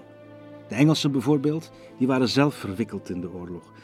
Wat ze wel deden was een spion uitsturen, een schrijver, die als spion totaal onervaren was en wiens enige verdienste was dat hij een beetje Russisch kon, omdat hij enkele verhalen van Tsjechov had gelezen. Die man heette Somerset Maugham. Hij verklaarde achteraf nogal gewichtig dat hij er door MI6 op uitgestuurd was om de Bolsjewistische revolutie te voorkomen en om Rusland in de oorlog te houden. Engelse humor zullen we dat maar noemen. Maar ook niet helemaal lachwekkend, want Somerset Maugham wist zich heel snel een plek te veroveren in de expat-kringen van Sint-Petersburg, de kringen van de buitenlanders, door zich gewichtiger voor te doen dan hij eigenlijk was. En ook de Russen trapten erin, want op een bepaald moment werd hij zelfs ontboden bij Kerensky in het Winterpaleis. Kerenskys populariteit was pijlsnel de diepte ingegaan. Hij was de wanhoop nabij. Hij vertelde aan Maugham dat naar zijn mening de Britse regering het best kon worden geadviseerd om de Mensjevieken tegen de Bolsjewieken te steunen en voor dat doel geld te investeren in een spionage- en propagandaprogramma. En hij vroeg Maugham ook om een geheime boodschap uit zijn hoofd te leren, die hij moest overmaken aan de Britse premier. Die boodschap hield onder andere in het dringende verzoek om wapens en munitie te sturen. Kerensky was duidelijk de wanhoop nabij. Ik weet niet hoe we verder moeten, zei hij tegen Morgan. Die vertrok dezelfde avond nog met een Britse torpedojager richting Engeland. Het verzoek werd enkele dagen later door de Britse premier afgewezen. En toen, toen werd het oktober, oktober 1917. Na vier maanden van afwezigheid verschijnt Lenin weer op het toneel. Hij neemt onmiddellijk het leiderschap van de revolutionaire beweging op zich. Hij vindt dat het moment van de tweede fase van de revolutie nu is aangebroken. Nu moet het gebeuren. Zijn partijgenoot Trotsky die wil zich nog verzetten en ook de gematigde Mensjevieken zijn tegen, maar Lenin houdt voet bij stuk. Hij ziet geen enkel voordeel meer in het uitstel van de revolutie. Aarzelen is verliezen. Hij had zijn staatsgreep gepland, zijn staatsgreep tegen de voorlopige regering, op 20 oktober, namelijk vlak voor de opening van het tweede congres van de Sovjets. Zijn plan was om hen voor voldongen feiten te stellen. Hier is de macht, wat gaan jullie er nu mee doen? Dat was zijn plan. Maar na maanden van waarschuwingen en voorspellingen was de verwachte bolsjewistische staatsgreep uiteindelijk toch niet dat grote heroïsche momentum dat men er achteraf in de bombastische Sovjetgeschiedschrijving van heeft gemaakt. Het was helemaal niet die grote opstand van de arbeidersklasse die voor eens en voor altijd het juk van de verdrukking van zich afwierp. De realiteit was heel anders. Het was voornamelijk de zieltogende regering van Kerensky die uitgeput was en weerloos en die uiteindelijk capituleerde. De Bolsjewieken in Petersburg hadden half oktober de overhand met ongeveer 50.000 partijleden. De Sovjet lag in hun handen. En ze hadden ook de wapens in handen. In korte tijd hadden zich weer soldaten en matrozen bij hen aangesloten die bereid waren om te doen wat nodig was. Ready, willing en able. En meer nog, ze beschikten over de juiste propagandamiddelen, dat was heel belangrijk. De kranten Soldat, soldaat of Rabochi Put, het arbeiderspad, die openlijk aanstuurden op een opstand. Kerensky doekte die kranten op. Het was een van zijn laatste wanhopige maatregelen. Dat plus ook het militair versterken van de bewaking van het Winterpaleis, waar hij samen met zijn ministers nu dag en nacht vergaderden. Het paleis dat ooit van de tsaar was, daar zaten zij nu. Die extra bewaking van het Winterpaleis hield niet veel in. Het waren voornamelijk uh, jonge, onervaren kadetten en ook de restanten van het vrouwendoodsbataljon van Boskaljeva. 135 vrouwen die liever aan het front wilden zijn, maar nu tegen hun zin werden ingezet om de Kerensky-regering te verdedigen en die zich steendood verveelden.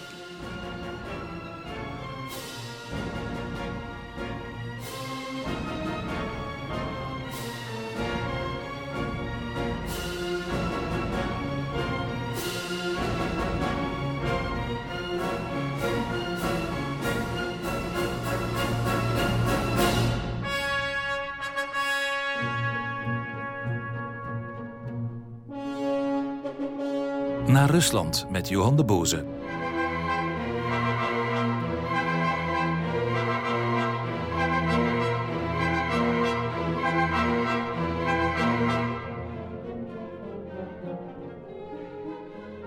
In de nacht van 24 op 25 oktober kwamen de Bolsjewieken in actie. Terwijl de afgevaardigden van het Tweede Sovjet-congres aankwamen in het Smolny-instituut, werden er overal in de stad barricaden opgeworpen. Gepantserde auto's werden op kruispunten geplaatst, heel strategisch. Het telegraafkantoor werd bezet, het postkantoor, de telefooncentrale, het station, de staatsbank en zelfs de belangrijkste elektriciteitscentrale werden allemaal ingenomen. De voorlopige regering, met Kerensky aan het hoofd daarvan, die zat nog steeds bijeen in het Winterpaleis, in de zogenaamde Malachitenkamer van wat vandaag de Hermitage is, het, het Winterpaleis. Uh, Kerensky was nog steeds premier aan het hoofd van die regering. Ze zaten in die kamer. Die kamer is trouwens um, onderdeel van het Hermitage Museum, is opnieuw te bezichtigen. Die is opengesteld. En daar, eh, naar het schijnt, eh, lag er op de grote vergadertafel een groen tafelkleed met allemaal papieren en documenten waaruit blijkt dat die ministers absoluut niet wisten hoe ze, wat ze moesten doen en dat ze constant uh, schema's aan het maken waren en plannen en strategieën aan het opstellen waren om, om, om, om zich te redden.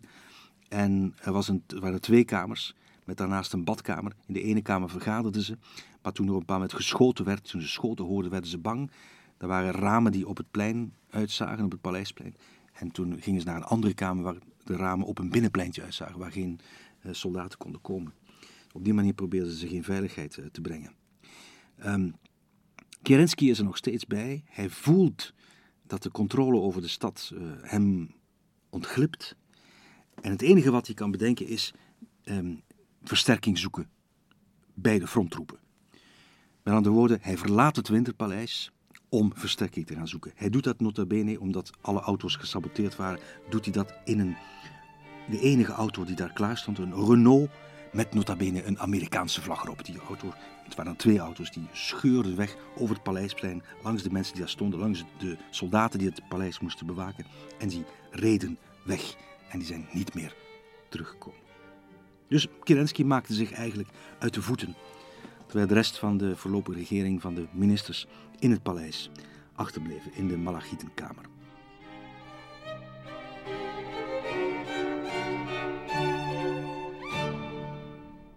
Dit is het moment voor Lenin om in actie te komen en om de leden van het congres toe te spreken. Hij is nog steeds in vermomming. Hij, hij uh, droeg een verband om zijn gezicht, zodat hij eruit zag alsof hij uh, kiespijn had. Dat was niet zo'n goed idee, want toen hij het Smolny-instituut wilde binnengaan, uh, herkenden de soldaten hem niet. En hij werd tegengehouden. Hij had ook geen pasje bij zich om binnen te mogen. Hij had dat laten liggen in zijn schuilplaats. Uit opwinding waarschijnlijk. Zij kon niet naar binnen. Het lijkt wel een situatie van een, uh, van een film, van een Hollywood script. En uh, hij weet niet wat te doen. Maar na een tijdje slaagt hij erin om met een groep mensen die het paleis binnengaat, om naar binnen te glippen. Hij kan haast niet wachten om het nieuws van de bolsjewistische overname bekend te maken. In dat Smolny-instituut komen ook alle Sovjets van over heel het land. Die komen daar samen, die gaan daar vergaderen, die gaan een grote bijeenkomst houden. En Lenin die trekt zich terug in zijn kamer en hij besluit om een persbericht de wereld in te sturen, waarin staat dat de voorlopige regering van Kerensky omvergeworpen is en dat alle macht nu in handen is van de Sovjets. Dat is natuurlijk niet zo. Dat is een voorbarige boodschap. De revolutie heeft nog niet echt plaatsgevonden. Maar hij wil, ze, hij wil de Sovjets voor een voldongen feit stellen. Hij wil ze zeggen van kijk, wij hebben de macht en wat gaan we daar nu mee doen? Het bewijst het ongeduld van Lenin. Ondertussen, in een ander deel van de stad, bij het Winterpaleis, daar staan de bolsjewistische soldaten en de Rode Gardes al wel klaar om het Winterpaleis in te nemen. Ze hebben het al omsingeld. Om half zeven s'avonds eisen ze de onvoorwaardelijke overgave van de regering. Ze zeggen dat de regering welgeteld 40 minuten heeft om het Winterpaleis te ontruimen. Er waren soldaten natuurlijk die ongeduldig waren en die de aanval meteen wilden inzetten, maar dat werd door anderen afgeraden. De jonge kadetten die het paleis bewaakten, die zouden zich achter de rokken verschuilen van de vrouwelijke soldaten, waardoor ze verplicht zouden worden om ook op de vrouwen te schieten. En dat zou natuurlijk een heel slechte publiciteit zijn om mee te beginnen, allesbehalve een glorierijke overwinning van de Bolsjewieken. Het vreemde was dat op dat ogenblik het leven in de stad gewoon doorging zoals altijd. Er waren nog altijd trams die reden. De mensen liepen door de straten alsof ze zich van geen kwaad bewust waren in bepaalde wijken. Er waren zelfs mensen die onderweg waren naar het theater, naar cafés. In het Mariinsky Theater werd op die avond de Notenkraker opgevoerd van Tchaikovsky voor een volle zaal. Er hing een mist over de stad die voor een vreemde rust zorgde. Een vreemde sereniteit. Je zou bijna kunnen zeggen dat de revolutionaire sfeer aanvankelijk rustig en vriendelijk verliep. Tot op het moment dat de stad werd opgeschrikt door een kanonschot. Om precies 22 uur 40 vuurde de panzerkruiser Aurora een losse flodder af. En dat was het afgesproken teken voor de belegering van het Winterpaleis.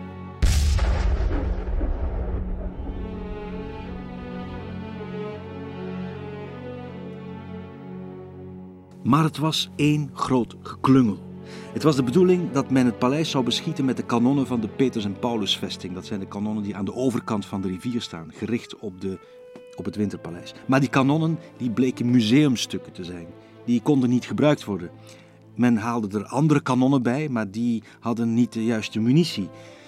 Het was de bedoeling dat er een rode lantaarn zou worden gehesen op, het, uh, op de Peters- en Paulusvesting als teken om de aanval in te zetten. Maar er was geen rode lantaarn te vinden.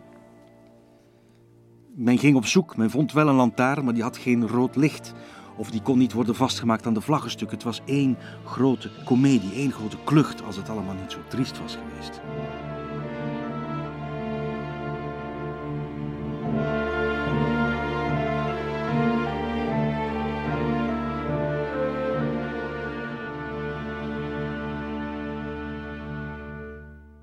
Maar ook in het Winterpaleis, waar de voorlopige regering zit, waar ze zich verschanst, is het ook een klucht. Want uh, men heeft honger en men zit te wachten op het diner. En dat diner komt eraan. Want op de Nevsky-prospect, daar komt een stoet aan van ongeveer 300 mannen. Allemaal gekleed in officierstenues en overjassen met wapperende panden. In rijen van vier, gearmd. Als, als bij een begrafenis. Ze begeven zich vastberaden op weg naar het Winterpaleis. En ze zingen ondertussen in het Russisch de Marseillaise.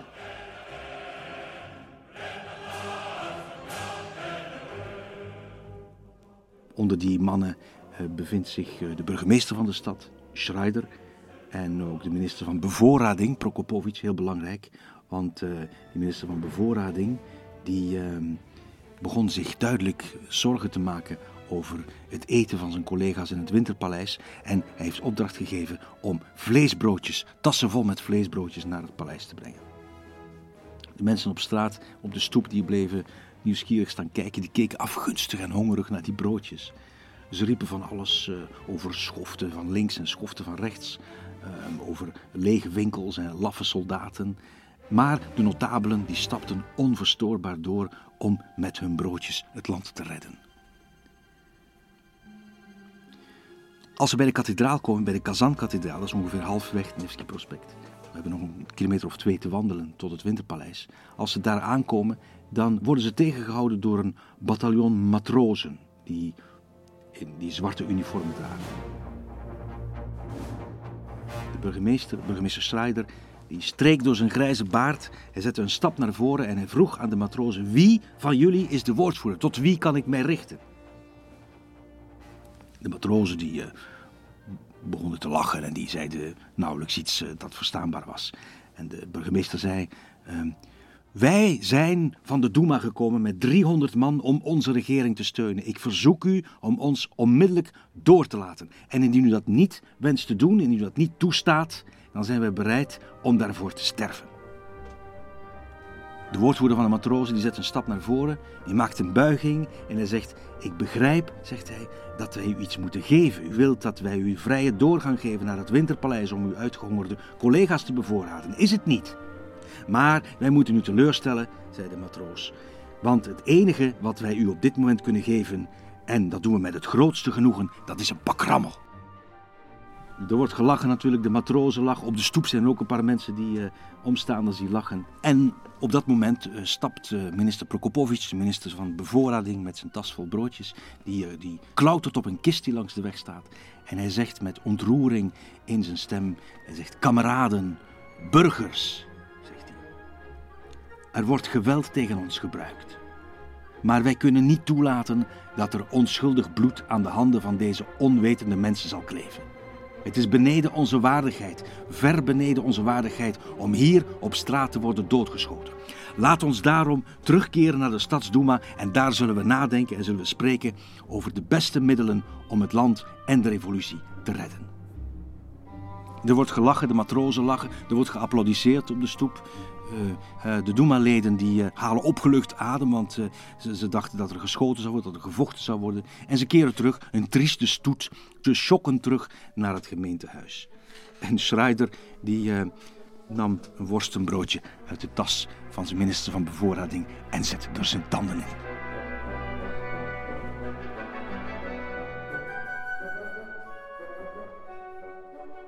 De ministers van de voorlopige regering in het Winterpaleis die krijgen dus helemaal geen diner. Die moeten het zonder hun vleesbroodjes stellen. Maar dat zal niet lang hoeven te duren, want korte tijd daarna, in het begin van de nacht, wordt het Winterpaleis beschoten. En rond half drie is de revolutie afgelopen. Er zijn maar weinig slachtoffers. Er waren zeven doden, waaronder twee kadetten en één vrouwelijke soldaat. De bange jonge kadetten enkel waren op de vlucht geslagen. Uh, maar de enkel die er nog stonden, die op wacht stonden, die werden snel ontwapend. Die waren al blij dat ze er heel huis van afbrachten. De leden van de voorlopige regering die werden uh, onder arrest geplaatst. En die, de leden van de voorlopige regering die zich boven in het paleis hadden verscholen, die worden gearresteerd en die worden naar buiten gebracht onder escorte. De opstandelingen die gaven zich natuurlijk over onmiddellijk aan de onvermijdelijke drang om flink tekeer te gaan. Er werden spiegels kapotgeslagen, kunstvoorwerpen vernietigd, muurpanelen kapotgeschopt, kasten doorzocht, overal werden papieren rondgestrooid. Het was één grote puinhoop. Wat ze wel over het hoofd hadden gezien, dat was dat er op zolder nog een jonge officier zat. Uh, met een, een telefoontoestel, het enige dat het nog deed in het hele gebouw. En die jonge officier die stuurde de berichten van de voorlopige regering door naar de rest van het land. Toen het Winterpaleis was ingenomen en toen de revolutie eigenlijk was afgelopen, toen liep die jonge officier rustig het gebouw uit langs de nietsvermoedende bezetters.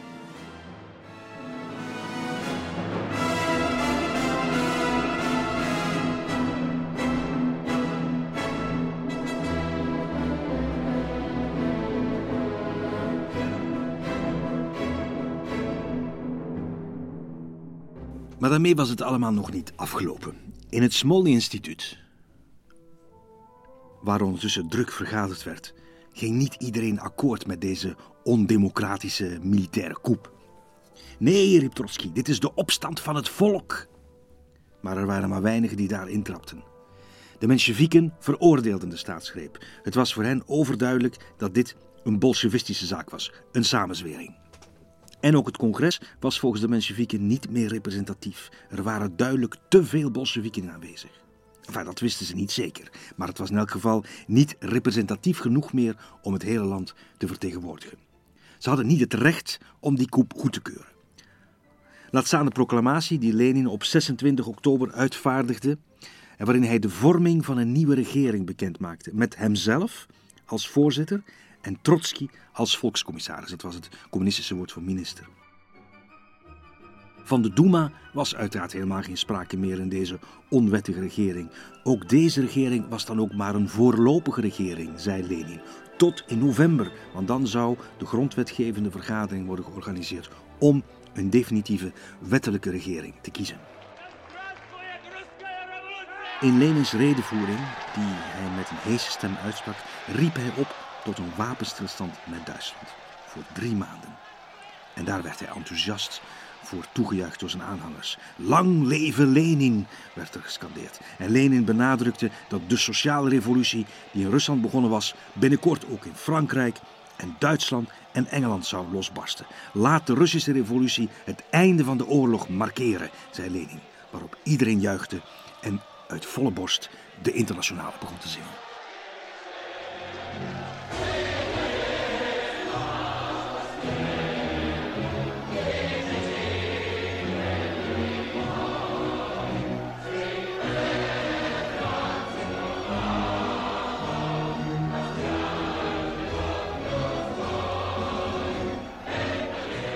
Een paar dagen later was er nog een eh, laatste krachtmeting met de jonge kadetten die Kerensky trouw waren gebleven. Want alle ministers waren gearresteerd, maar Kerensky niet.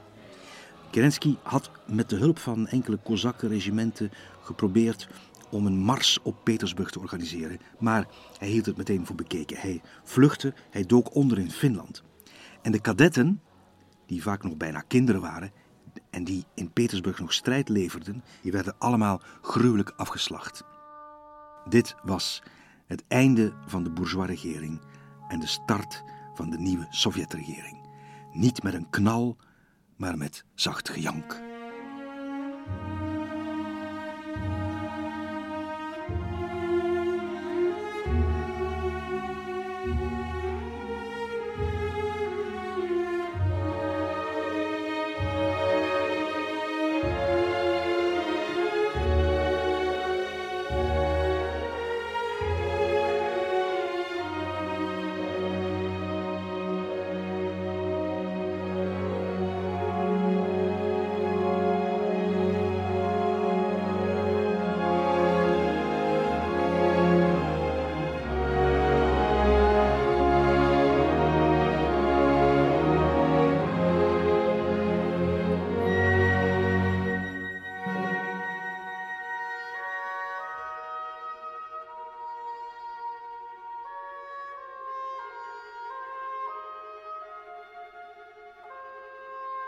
Na de revolutie brak er een burgeroorlog uit. Na elke revolutie breekt er een burgeroorlog uit, omdat je winnaars en verliezers hebt. Die burgeroorlog die brak uit tussen de zogenaamde Roden, de communisten, de Bolsjewieken, en de Witten, de aanhangers van de tsaar, een coalitie van uh, liberalen, kozakken ook en uh, allerlei tegenstanders van het bolsjewisme. Die burgeroorlog duurde enkele jaren volgens sommigen vier, vijf jaar, maar op sommige plaatsen nog veel langer. Maar tegen 1920 al, dus drie jaar na de revolutie, was het enthousiasme van de boeren voor de revolutie ernstig bekoeld. Waarom? De Bolsjewieken, die de revolutie hadden gewonnen, die hadden voedsel nodig voor het leger en voor de steden. En ze dwongen de boeren systematisch met geweld om hun oogst af te staan. Veel boeren haten de Bolsjewieken, maar ze waren nog banger voor de witten want die wilde terug naar de situatie van voor 1917.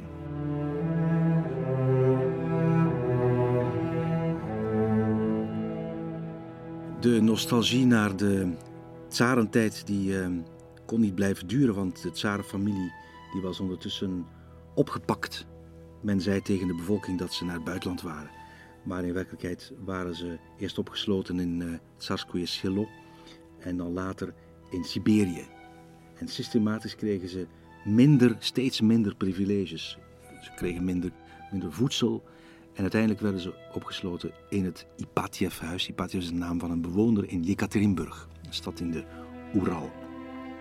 En dat huis werd cryptisch genoemd het huis met een speciaal doel. Niemand wist wat dat speciaal doel was.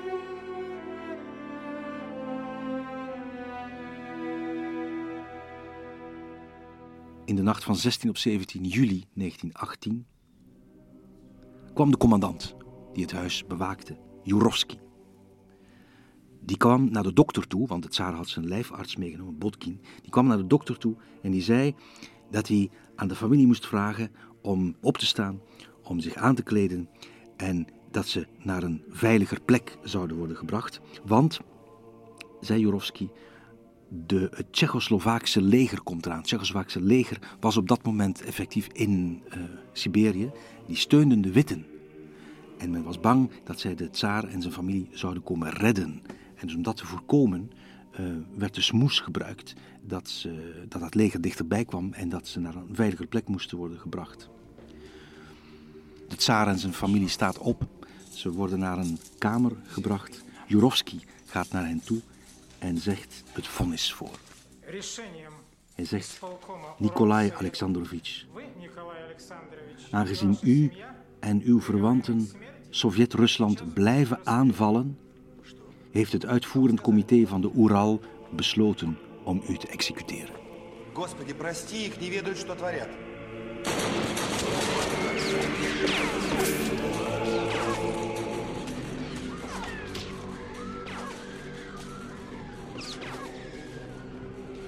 Het schieten verliep heel uh, knoeierig. Ze schoten niet meteen raak, waardoor de mensen niet meteen dood waren. Uh, er zaten ook uh, edelstenen in de, de, jurken van de meisjes, waardoor de kogels afketsten. Um, ze probeerden zich te beschermen met, met kussens, maar dat lukte. Het was één grote knoeiboel. En het werk werd afgemaakt met bajonetten. De enige overlevende was Joy, de hond.